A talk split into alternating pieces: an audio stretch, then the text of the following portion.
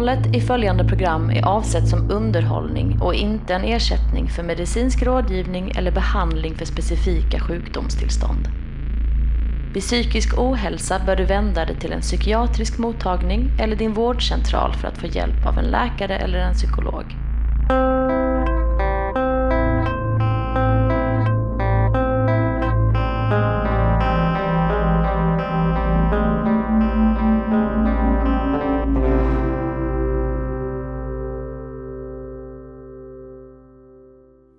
Rauli Solanko. Jag vaknade i morse av att det plingade till i min mobiltelefon. Det var ett sms-meddelande från dig. Det stod att du genomled en existentiell kris. Stämmer det? Ja, livet är väl en existentiell kris, tänker jag mig. Nej, men jag fick en lite släng av det i, i, på förmiddagen här nu och kände att saker inte är lönt. Jag tror jag skulle skulle kolla lite om det fanns några sköna jobbannonser ute. Och eh, sen så kändes det som att det spelar ingen roll om jag söker dem eller inte. Och jag tänkte så här, ja men vad kommer det här leda till om ett par år? Um, ja, jag tänker mig också att eh, den här blasé-känslan av att så här, ja, så här kan det få vara. Det spelar ingen roll jag söker jobb en annan dag. Eh, den är ju inte så hemsk, men den är ju på lite distans lite hemsk att ha. Ja, verkligen. Men du kanske ska skaffa en tatuering? Ja, men det var det jag tänkte. Jag pratade med någon annan som eh, törstade lite efter en tatuering och så tänkte jag, ja, men det här är kanske, det är dags att ta itu med tonårskrisen. Det är ju rebellion som gäller nu, om man, om man då känner sig lite existentiellt utmanad. Jo, nej men så är det. Har du några motiv i åtanke när vi går in på den här diskussionen eh, kring eh, kroppskonst? Ja, det, det, är ju där det alltid går i stöpet, att man vill vara så jävla smart och ha någonting som antingen fångar in en eh, bra, speciellt om man bara har en tatuering, eller kanske gör raka motsatsen och så här busig så inte alls känns rätt. Och jag vet inte, jag känner lite att kanske typ göra bara en Pantera-tatuering på axeln. Det känns liksom rakt på något sätt. Jag tycker det låter som en, en tämligen god idé faktiskt. Känns det lite bättre nu när jag anlände till din eh, ungkarlslya? Eh, ja, varför inte? Alltså, det var inte så att min existens var i fara bara för att jag hade en existentiell kris. Det är ju lätt man kan misstolka sånt om man inte riktigt har språköra. Utan eh, det var väl mer att eh, jag blev eh, lite varse om hur jävla lojt det är med den här energilösheten och, och att vänta på att ge saker värde. Att så småningom kommer saker kännas viktiga igen. Men det är ju samtidigt sjukt tråkigt och in, inte vara sugen på grejer. Den som väntar på något gott kan dra åt helvete, som jag brukar säga. Ja, ja men kan du dra åt helvete då? Alltså, väntar du på något gott? Finns det hopp, Johan? Ja, definitivt. Det är ju en färgsprakande hopppalett som jag använder för att måla min canvas. Jag tänkte att eh, vi skulle prata om ljuskontamination idag, Johan. Låter det som ett samtalsämne som du känner, känner brännande vurm för? Jo, det gör det. Det, det, det, så är det verkligen. Det är ett ämne som ligger mig ganska varmt om hjärtat. Så ljus är smuts, eh, kan man säga då, eh, lite folkligt. Eh, och du berättade att du hade varit och intervjuat någon skön snubbe som var väldigt passionerad kring att hålla mörkret nära. Jo, nej, men det stämmer. Det var väl ett tiotal år sedan, tror jag, som jag skulle göra ett reportage om en man som helt enkelt hade gjort mörkerkartor över Sverige. Han var amatörastronom och brann för de här frågorna. Så han hade helt enkelt kartlagt de allra mörkaste platserna i hela Sverige.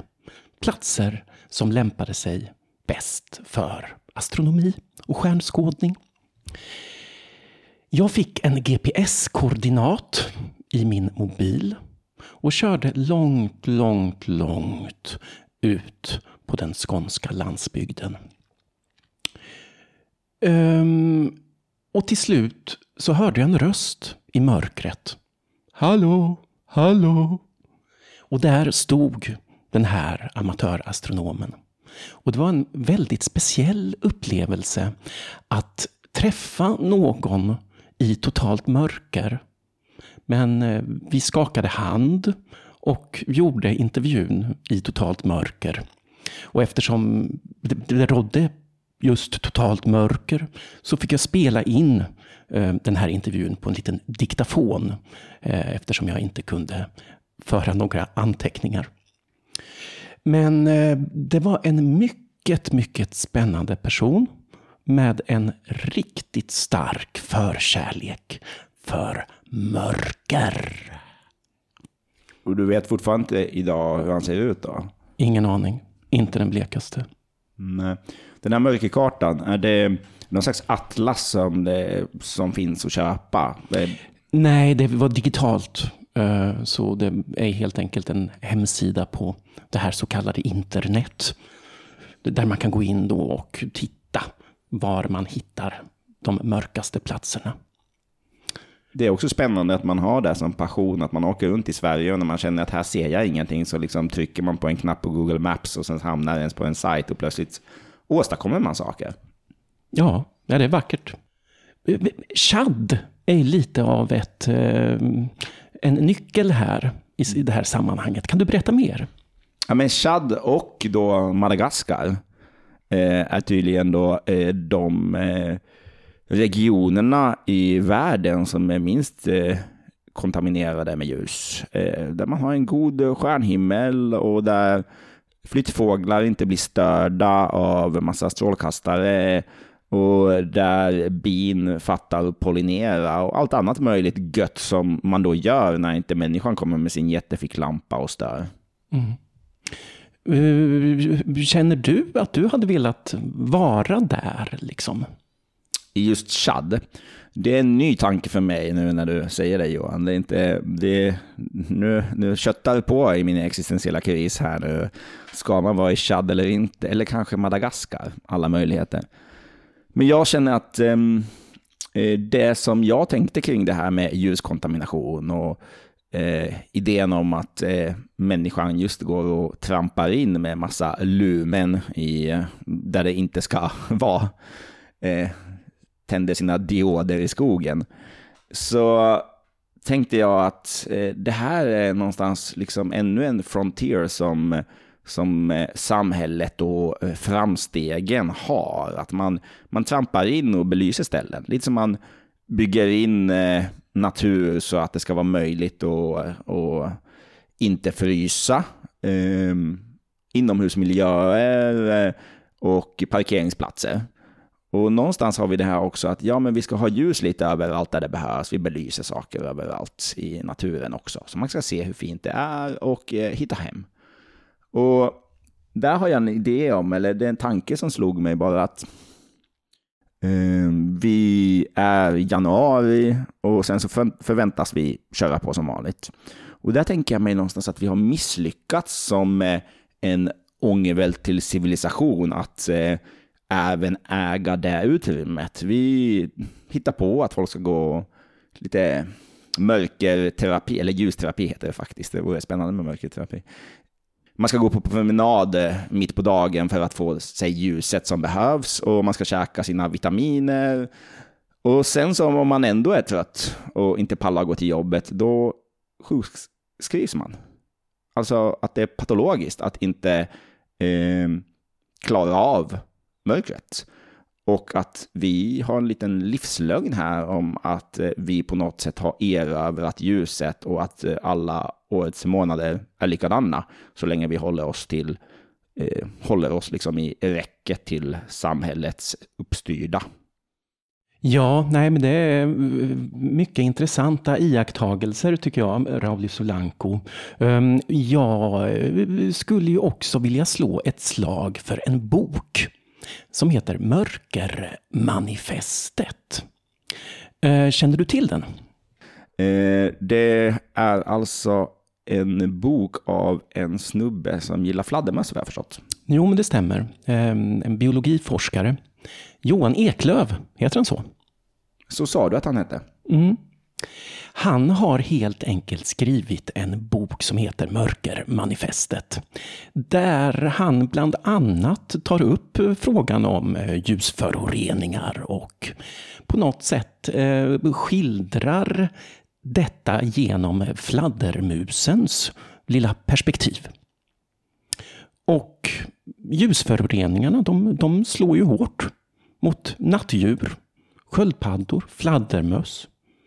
Det blir galet. Det blir galet. Nattsköldpaddorna, ja.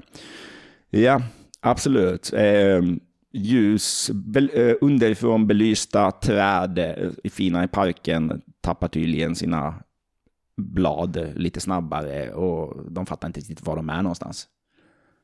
Så är det. Så är det. Och vi fattar inte riktigt heller var vi är någonstans med gatubelysningen. Nej. är väl en spaning som man har, vad jag förstått. Mm. Jo, men så är det. Och att vi ska omfamna mörkret och prata om mörkret och släcka ljuset så att vi kan se nyanser i skuggan. Han är lite på den linjen. Mm. Det är han. Hur är det applicerbart på saker vi pratar om, Johan? Nej, men jag tycker väl att det krokar i våra samtalsämnen på ett eh, adekvat sätt. Eller vad känner du? Ja, men eh, vi har väl bestämt att det är samhället som är problemet och inte, inte vi som individer här nu. Och för kampen eh, vidare där.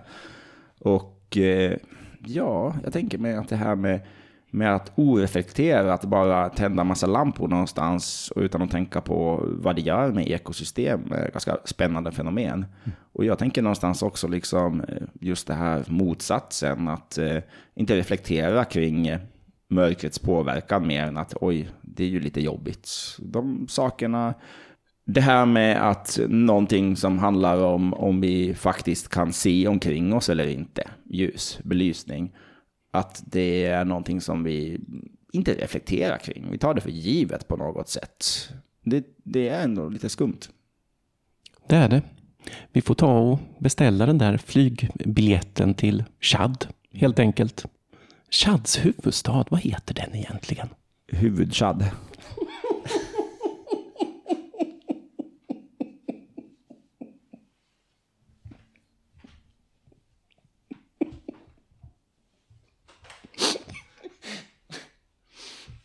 Tack.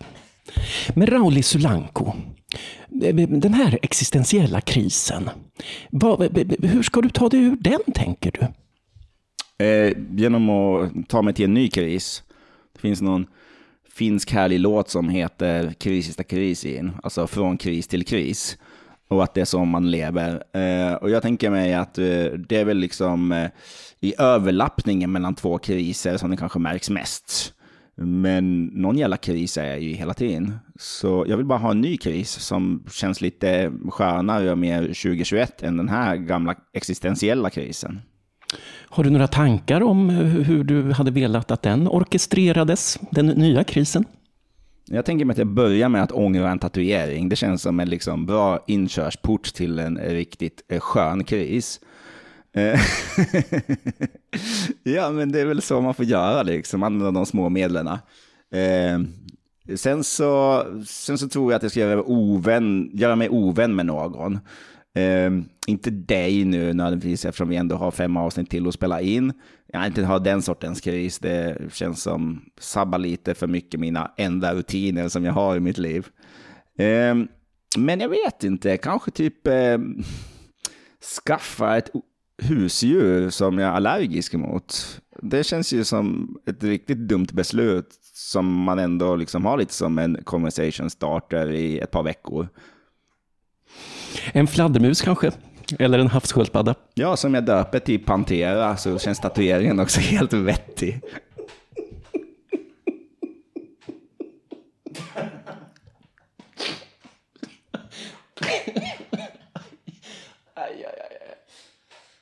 Ehm, men du, det är ju lite speciellt ändå, Rauli Sulanko. Jag, jag är ju faktiskt lite nyfiken på din setup när det kommer till professionalism och yrkesliv. Som jag förstod det så fick du en summa pengar och valde då att säga upp dig från ditt jobb som psykolog och har nu varit uppsagd i ett år ungefär. Det stämmer bra. Det är ärvde lite cash, eh, tänkte nu får det vara nog. Eh, vi kan kalla, jag tänkte ett sabbatshalvår, men det visade sig att det blir ett sabbatsår. Eller nu är vi på andra året av det ändå. Det, det är sabbat bara, blodig sabbat hela tiden. Och eh, jag hade väl en idé om att eh, nu har jag tuggat samma grej här länge. Om jag tar en paus eh, och eh, hinner bli uttråkad så kommer det ur den här tristessen eh, dyka upp någonting som jag blir lite sugen på. Och så är det ju ofta, du vet den här grejen, eh, tonåringar eh, lånar en stuga, och det finns eh, folköl bara för en dag och sen så efter tredje dagen så plötsligt ska alla klä ut sig och ta fotografier på när de eh, lajvar Pippi Långstrump. Och det visste de inte när de åkte dit. Så jag tänkte, det här är vad jag ska göra, inte lajva Astrid Lindgren där, utan eh, att liksom se vad som kommer ur att inte ha en plan. Och ehm, beakta min förvåning nu när jag upptäcker att det kom ingen plan ur det. Och då känns det ju lite trist. Eh, kanske man ska liksom gå tillbaka till sin plan A någonstans eller något i den stilen. Vi får se. Alltså det, det är ju... Nämnde jag att jag lite har en existentiell kris? För att jag tror det hookar ihop med det här lite grann. Att eh, det kom inget balt.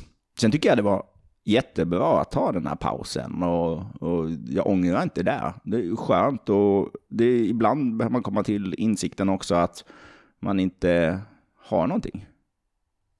Uh, jag är ändå nyfiken på något positivt måste väl det här ha fört med sig?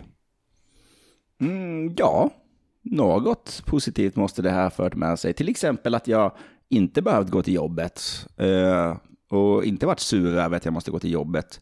Jag tror inte jobbet i sig nödvändigtvis är så drygt, utan det är liksom det här att man ska dit och man ska lägga mesta sin tid på det. Man förväntas eh, fem av sju dagar i veckan vara där timmets alla ljusa, eh, dygnets alla ljusa timmar.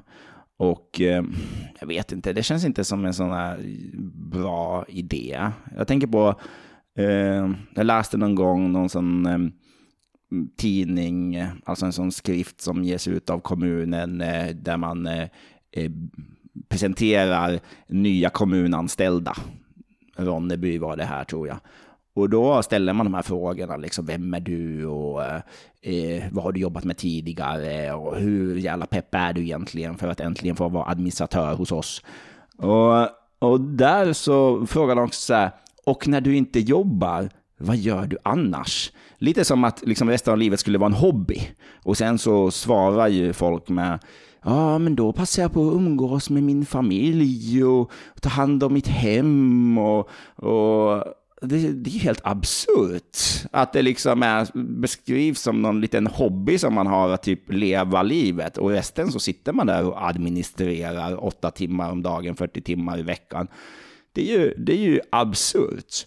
Och där någonstans tycker jag ändå att det här med att ta en paus, eh, även om jag har tråkigt här hemma och även om jag, det visar sig att jag är mycket tråkigare person än jag hade hoppats, så det är ju det är skönt att inte vara i den galenskapen som det är att tro att det finns någon slags arbetslinje.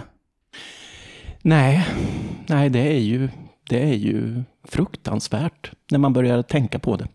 Och det är väl därför många slår ifrån sig de tankarna och grottar ner sig i sin admin. Jag tänker att det finns något begrepp där som jag har svårt att smälta. Det är det att man ska brinna för någonting. Att någon kan fråga en sån här fråga. Vad brinner du för? Och sen så berättar man någonting om sitt jobb som man då brinner för.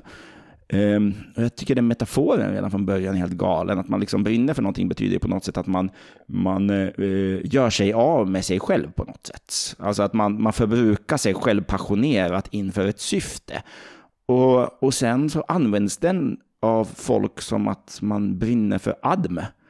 Och det är ju, det är någonstans, jag brinner inte för någonting. Jag tycker saker är kul, jag tycker saker är spännande, jag tycker det är, det är trevligt att ge sig på någonting. Men Alltså, någon säger så här, vad brinner du för? Ja, det så här, vindsurfning, alltså man kan säga vad som helst. Små apor i Madagaskar, det brinner jag för. Och folk skulle ta, ta mig på allvar och bara säga, ah, men det är härligt att du har ett pension i livet. Det här, nej jag är inte okej okay med det. Johan, vad brinner du för? Permanent. Jo, nej men det är klart jag brinner. Eller, nej, jag tror, jag tror inte det. Men jag tycker ju en del saker här. Lite trevliga. lite trevliga. Ja, precis. Och det är så jag tänker att det är. Alltså, folk är nyförälskade och vill bara prata om det, men det håller bara på i någon månad och sen så frågar de honom åtta år senare och så här, brinner du för den här relationen? Så, så är det inte riktigt brinna som är ordet man använder. Utan det här, tänker mig att man är nyfiken på grejer och man ger sig in i små äventyr och så, men fucking hålla på och brinna för administration, alltså det, jag brinner hellre i helvetet. Men du, du jobbar som någon slags vetenskapsnörd. Eh, känner du, hur mycket eld finns det i, i ditt yrke då, som eh, eh journalist-adm är du väl, Johan? Ja, det är en träffande beskrivning, skulle jag säga. En eh, journalist-administratör i statens tjänst. I statens tjänst har du suttit idag och på Zoom-möte i två plus timmar. Vad är det för, vad är det för deprimerande saker som eh, diskuteras där? Ja, det handlade ganska mycket om eh, etik i forskningskommunikation. Gjorde det bland annat. Det var ett intressant samtal vi hade. Um, man ska ju helst inte fara med osanning när man ska kabla ut spännande kärnfysiknyheter i etern nationellt och internationellt. Så du får sitta på dina lögnaktiga fingrar ibland när du ska vidare förmedla vad Lunds universitet har kommit på? Så är det, Rauli Solanko, så är det. Men känns det sådär nu på vintern när jag gnäller på att att gå till jobbet är en tråkig sak att göra. Alltså, det är ju inte topp 10 direkt på saker att hitta på, gå till jobbet. Eh, känner du liksom sådana här när du, nu kanske du inte går till jobbet för du sitter hem, corona hemma och, och eh, eh, blippar på datorn, men eh, känns det som att det ger dig sammanhang? Lyfter det under vintern? Ja, nej, men jag är ju ändå så pass lyckligt lottad att jag eh, tycker att mitt jobb är väldigt stimulerande, är ordet som jag skulle använda. Ehm, jag eh, skrev en artikel här för några dagar sedan om en ehm, kärnfysik ehm, relaterad upptäckt som fick saker och ting att eh, vibrera lite. Jag skakade lite grann i mina grundvalar när jag tog mig an den här massiva kärnfysikstudien. Känner du att du är en, en del av någonting när du jobbar? Alltså att det du gör, för det är ju ändå samhällsutveckling och syssla med att sprida forskning. Och eh, samtidigt så träffar man andra personer som också är intresserade av det. Man kanske har något spännande etiksamtal på Zoom i ett par timmar på en torsdag. Känns det som att det ger det sammanhang? Ja, det gör det definitivt. Eh, jag har fina kollegor och jag får eh, läsa om mindblowing forskning. Och jag får skriva och fotografera som jag brinner för. Johan, om du hade medborgarlön. Um, skulle du då gå till jobbet alls? Och om du gjorde det, hur många timmar i veckan tror du att du skulle sitta på de här Zoom-mötena bara för att? Um, ja, det var en bra fråga. Jag tror att jag kanske hade jobbat mellan 15 och 20 procent ungefär. En dag i veckan. En dag i veckan. Ja. Det skulle vara rimligt. Du skulle inte känna att du var dittvingad och sådär, utan det skulle vara liksom att, att trevligt och någon slags förtroendevald i det. Och det skulle vara nice att köra. Ja, mm. jo men det tycker jag. Och så, så hade man kunnat jobba med egna projekt de andra dagarna i den mån man orkar, orkade och vill, ville. Och Rauli, du på något sätt sitter ju här med, eh, inte en medborgarlön, utan utan medborgarlön och tittar ut över den här köttfärgade himlen. Om någon hade erbjudit dig något litet psykologjobb, eh, hur mycket hade du velat jobba? Mm, Om du hade haft kvar? Min värdighet. Eh, jo, men jag tänker mig att jag skulle nog... Jag jobbade tidigare när jag jobbade, jobbade jag eh, fyra dagar i veckan. Jag har försökt alltid förhandla mig till det, för jag tycker liksom det är en jävla skillnad mellan en två dagars och en tre dagars helg. Arbetsveckan känns lika lång oavsett, men just det här med att man liksom hinner vara lite dum i huvudet, vila ut och sen kanske låtsas vara lite smart också där eh, en dag. Det tycker jag är en lagom kompott, eller det är liksom det minsta egentligen. Och jag tänker någonstans att jobba eh, fyra till sex timmar tre dagar i veckan. Det låter som att eh, engagemanget skulle finnas där tillräckligt mycket för att det skulle liksom vara sammanhang och att man liksom inte behöver starta om hela tiden. Eh, Jag tror där någonstans. Jag tror inte att det skulle bli så mycket mindre gjort än när man eh, plöjer 40 timmar i någon förvaltning någonstans. Utan jag tror att man är effektivare, man kanske har saker i huvudet inför att man ska jobba. Och det är väl, det är ju det här eh, angående just när jag pratar om min morgonilska i de perioder där jag har haft en tjänst. Det är ju inte jobbet i sig som nödvändigtvis är det dryga. Det är att någon har kommit på en idiotisk idé om att man ska gå upp klockan sju, halv åtta, åtta på morgonen för att ta sig till ett ställe. Och sen när man väl kommit dit så är det inte nödvändigtvis så supermycket som händer där. Men du ska banne mig vara där, för annars tar vi ditt bröd ifrån dig. Ja, och nu sitter du här utan bröd och värdighet. Någon måste göra det också. Ska vi ta och omfamna mörkret då, så som din namne eh, Johan med fladdermössen eh, tycker man ska göra? Och eh, omfamna mörkret i meningen som ljusfenomen. Vad är det då som ska göras? Är det att våga ut på promenad på kvällstid istället för att göra den här checka jag får på mig dagsljuspromenaden?